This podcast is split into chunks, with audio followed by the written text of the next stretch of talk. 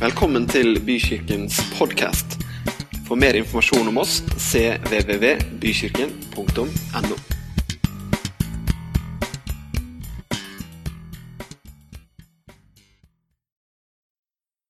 Hei, alle sammen. Både her inne og bak veggen der. Håper dere har det bra. Jeg satt der forrige søndag. Det gikk fint, det. Og hvis det er noen som ser på hjemme på Facebook, så velkommen til deg også nok en gang. Jeg heter Magnar. Jeg er gift med Katrin, som sitter der. Jeg har to gutter. Han ene sitter der. Philip på 15 og en som heter Andreas på 12, som ikke er her akkurat nå. Jeg eh, har vært eh, pastor i Bykirken noen år, fra startdato de første sju åra.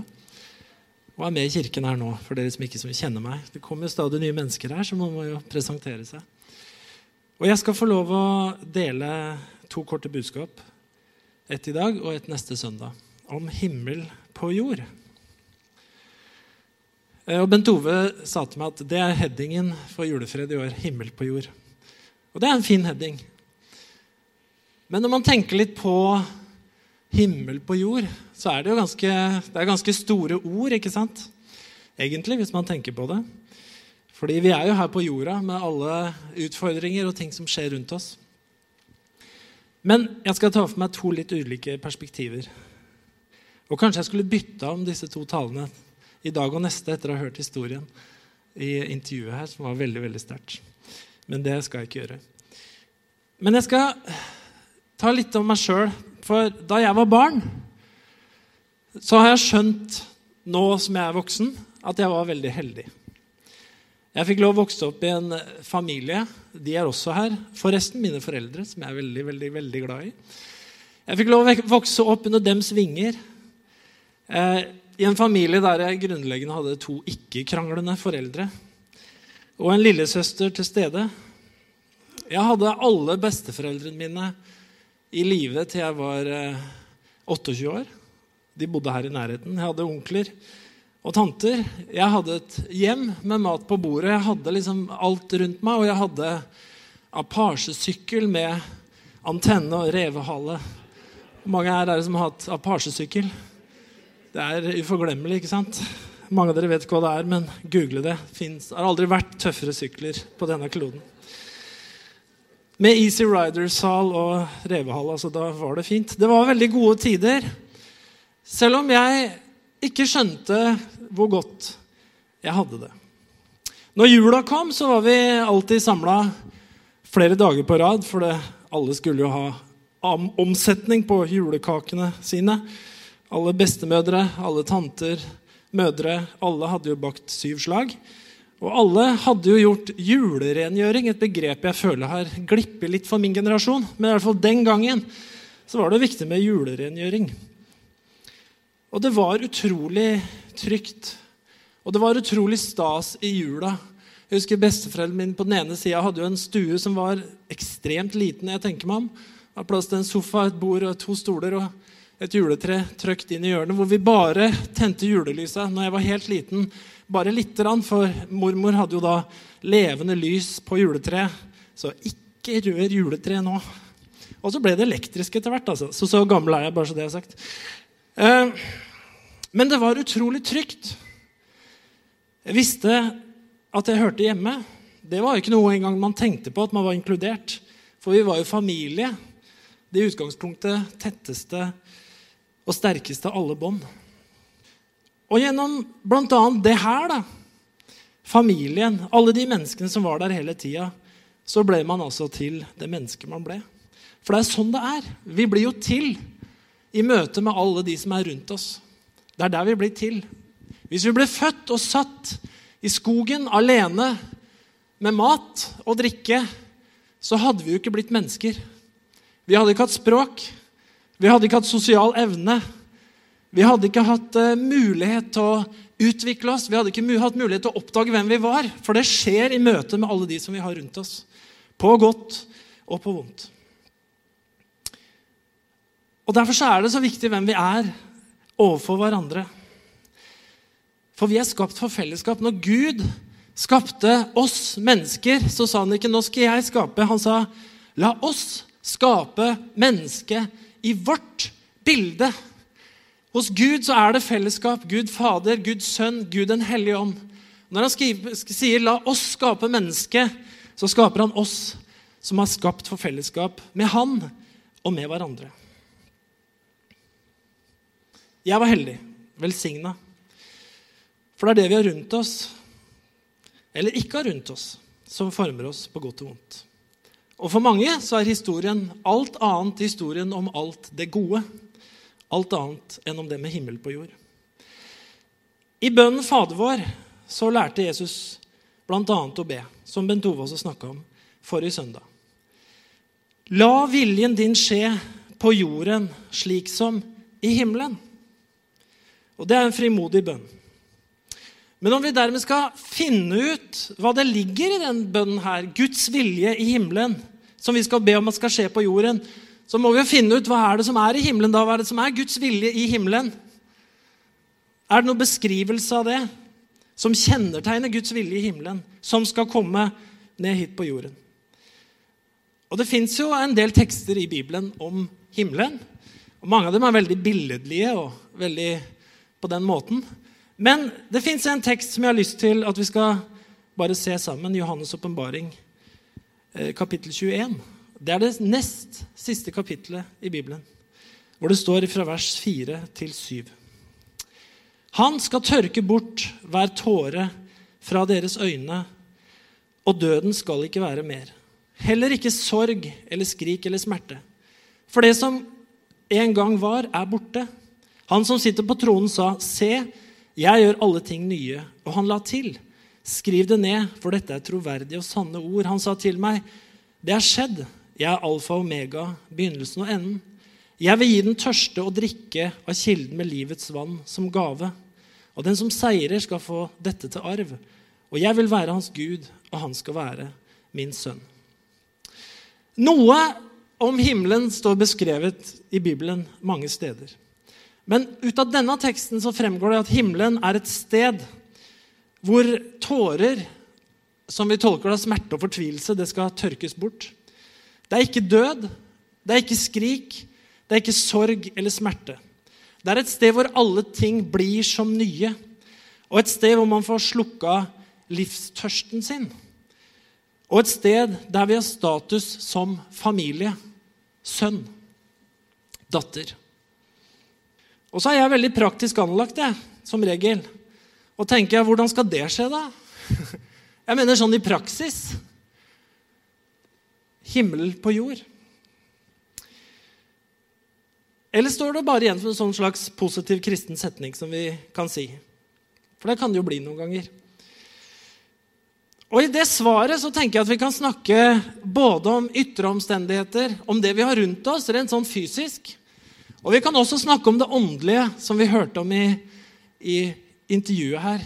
At det skjer noe på innsida. Men jeg tror at når vi snakker om Guds rike og vi snakker om himmel på jord, eller snakker om Guds rike skal manifestere seg på jord, så handler det både om det åndelige, men det handler også om det fysiske, det helt konkrete, det påtagelige, det vi kan ta, se og kjenne. For Gud, han har sendt Den hellige ånd, som handler om den åndelige siden av saken. Vi opplever tilgivelsen, vi opplever å få fred med Gud, vi opplever å få relasjon med Gud. Det er noe som er helt personlig mellom meg og Gud. Noe her inni mitt hjerte. Men Gud sendte jo ikke bare Den hellige ånd. Når Gud skulle vise hvem han var, når Gud virkelig skulle bringe himmel på jord, så nøyde ikke Gud seg med en eh, ensidig åndelig løsning. Han sendte et menneske av kjøtt og blod. Han sendte Jesus som vokste opp i en familie som jobba sammen med faren sin. Han var tømmermannens sønn. Som var én av mange i en familie. Som hadde brødre, som hadde familie, og som etter hvert står fram som en som betyr mye for mange. Han er en som helt konkret gir menneskemat. Han er en som helbreder dem. Han er en som lærer dem. Han er en som veileder dem. Han er en som trøster. Han er en som helbreder. Han er en som viser omsorg. Et menneske av kjøtt og blod. Og Derfor så tror jeg det er veldig viktig og veldig bibelsk å ha med begge de sidene. Både den åndelige siden som har med Den hellige ånd og mitt indre liv å gjøre, men det er også veldig viktig å ha med den andre sida. Om at Gud sendte Jesus Kristus til verden for å være et menneske blant mennesker. Og Derfor så er det sånn at når Jesus har stått opp fra de døde, så har han et avskjedsbudskap som er viktig å lytte til. For Jesu budskap når han står opp, var at han sa flere ganger 'Fred være med dere'. For de kunne få fred gjennom tilgivelsen, som vi hørte her i stad. Men han sier noe mer. I Johannes evangelium 2021 så sier Jesus igjen til dem, 'Fred være med dere'. Som Far har sendt meg, sender jeg dere. Som Far har sendt meg, så sender jeg dere. Og så sier Jesus litt senere, 'Gå ut i all verden'. Og Så tenker vi kanskje noen ganger da som kirke og som kristne at ja, vi skal alle reise langt av gårde. Jo lenger vi reiser, jo mer er vi kalt av Gud. Og noen mennesker får et kall å reise langt, men allikevel Og det er her jeg vil ha med i dag. Gud sender oss ikke først og fremst til fjerne strøk. Det er litt sekundært. Han sender oss først og fremst til de vi har aller nærmest oss. Paulus skriver i 1. Timoteus kapittel 5 og vers 8. En som ikke har omsorg for sine nærmeste, ref. familie og, særlig, og, venner, og særlig for sin egen familie, har fornektet troen og er verre enn en vantro.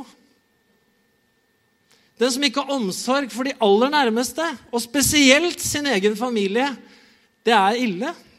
Det er budskapet. Han sender oss til de som er nest nærmest, der vi har mulighet til å hjelpe til. Paulus skriver i Romerbrevet kapittel 12 vers 13. Vær med og hjelp de hellige som lider nød, og legg vind på gjestfrihet. Det er en veldig praktisk ting. Legg vind på gjestfrihet. Ha et åpent hus.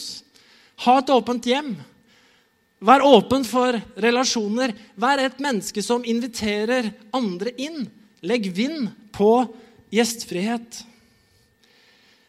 Og vet du hva? Det er jo sånn at det kan være ulike perioder med det åndelige livet. Og noen kanskje perioder har du hatt i livet hvor du har opplevd veldig sterke åndelige ting som har omvelta livet ditt veldig. Så kan det være andre perioder i livet hvor man kanskje opplever at er, man har relasjon med Gud, men det er litt mer stille. Det er ikke den store revolusjonen som skjer hver uke. Selvsagt ikke. Men det vi har rundt oss hele tida, det er de nærmeste menneskene som vi treffer og møter og omgås hver eneste dag. De er der hver eneste dag. Jeg skal snart avslutte, men jeg vil ta med det var en som sa en gang, en i kirka her for veldig mange år siden Vi snakka om fellesskap. Og så sa han du vet, Vi sliter jo litt, vi kristne, med det her med fellesskap, for vi er jo, vi er jo så dårlige til å feste. Vi går jo bare på møter. Jul er en sånn fest. Og så kan vi tenke ja, veldig overflatisk, bare mat og vi er sammen. og sånne ting. Men vet du hva? i Israels historie så var det sånn at Gud han befalte Israel en god del fester gjennom året. Da og da skal dere ha fest. Og skal dere ha den festen. Og en av festene jo, som vi har et forhold til, det er jo påskehøytiden. Hvor de ikke bare gikk og tenkte på eh, lammets blod, men de slakta og spiste påskelammet. Og de var sammen og hadde fellesskap. Og dem her er det ganske mange av. Noen høytider i Bibelen handler om faste. Mens andre handler om at dere skal faktisk være sammen, og dere skal ha det gøy, dere skal være glad, dere skal danse, og dere skal spise god mat og ha fellesskap. Det har vi ikke tid til å gå gjennom nå, men det er en realitet. Og de skulle ikke bare spise og ha fellesskap, men de skulle tilbe Gud. De skulle ikke bare tilbe Gud, men de skulle også spise over fellesskap. Det her hang sammen. Himmel på jord. Det er annet når vi gjør og er alle de små og store tinga fordi vi er rundt oss, at vi bringer det til jord.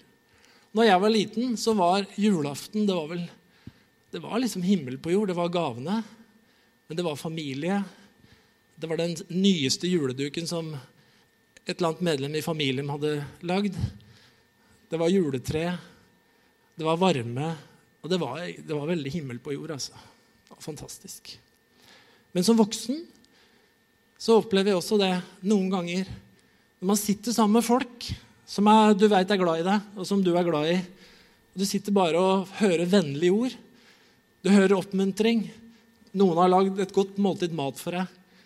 Og man kan sitte bare og skravle og le og ha det kjempegøy. Og det er veldig fint. Er det noe som er vanskelig, så kan man snakke om det, og så blir det noe veldig godt ut av det også. Så om du er mamma eller pappa, onkel eller tante, om du er venn, om du er medarbeider, om du er bror eller søster i kirken, om du gir invitasjoner, du deler ut komplimenter, så er det, det er, det er med å skape himmel på jord. Og det er viktig. Det her kan vi faktisk gjøre hver eneste dag. Og det kan bli litt sånn at vi blir trøsta av det fellesskapet. Om det er vanskeligheter, så er det litt som døden ikke er mer. Det er et sted og et fellesskap hvor tårene tørkes. Og Der tilværelsen ikke er prega av sorg og problemer og vanskeligheter, selv om vi opplever vanskelige ting. Der du kjenner at det blir en ny start, og der det vonde blir borte fordi du opplever mer godhet enn det vonde. Og På den måten så tror jeg at din og min fysiske tilstedeværelse de klemmene vi ikke får lov til å gi hverandre nå. Men vi kan gjøre sånn. Det betyr så mye, da, fordi vi har rundt oss. På samme måte som Gud sendte meg, så sender jeg dere. Kanskje ikke vi så ofte snakker med det, men Jesus var en bror som var sammen med mennesker og ga utrolig mye. Vi takker deg, Herre, for at vi har denne høytiden som vi kaller for jul hvor vi hvert år er så heldige at vi får lov å bli påminnet om det gode. Om fred. Og om å være gode mot hverandre. Hjelp oss, Herre, til å være dine utsendinger i stort og smått. Til de som er aller nærmest. Til de som er nest nærmest, og de som er litt lenger unna oss. Til å åpne våre hjerter og våre hjem og våre ord så vi kan bringe himmel på jord. I Jesu navn. Amen.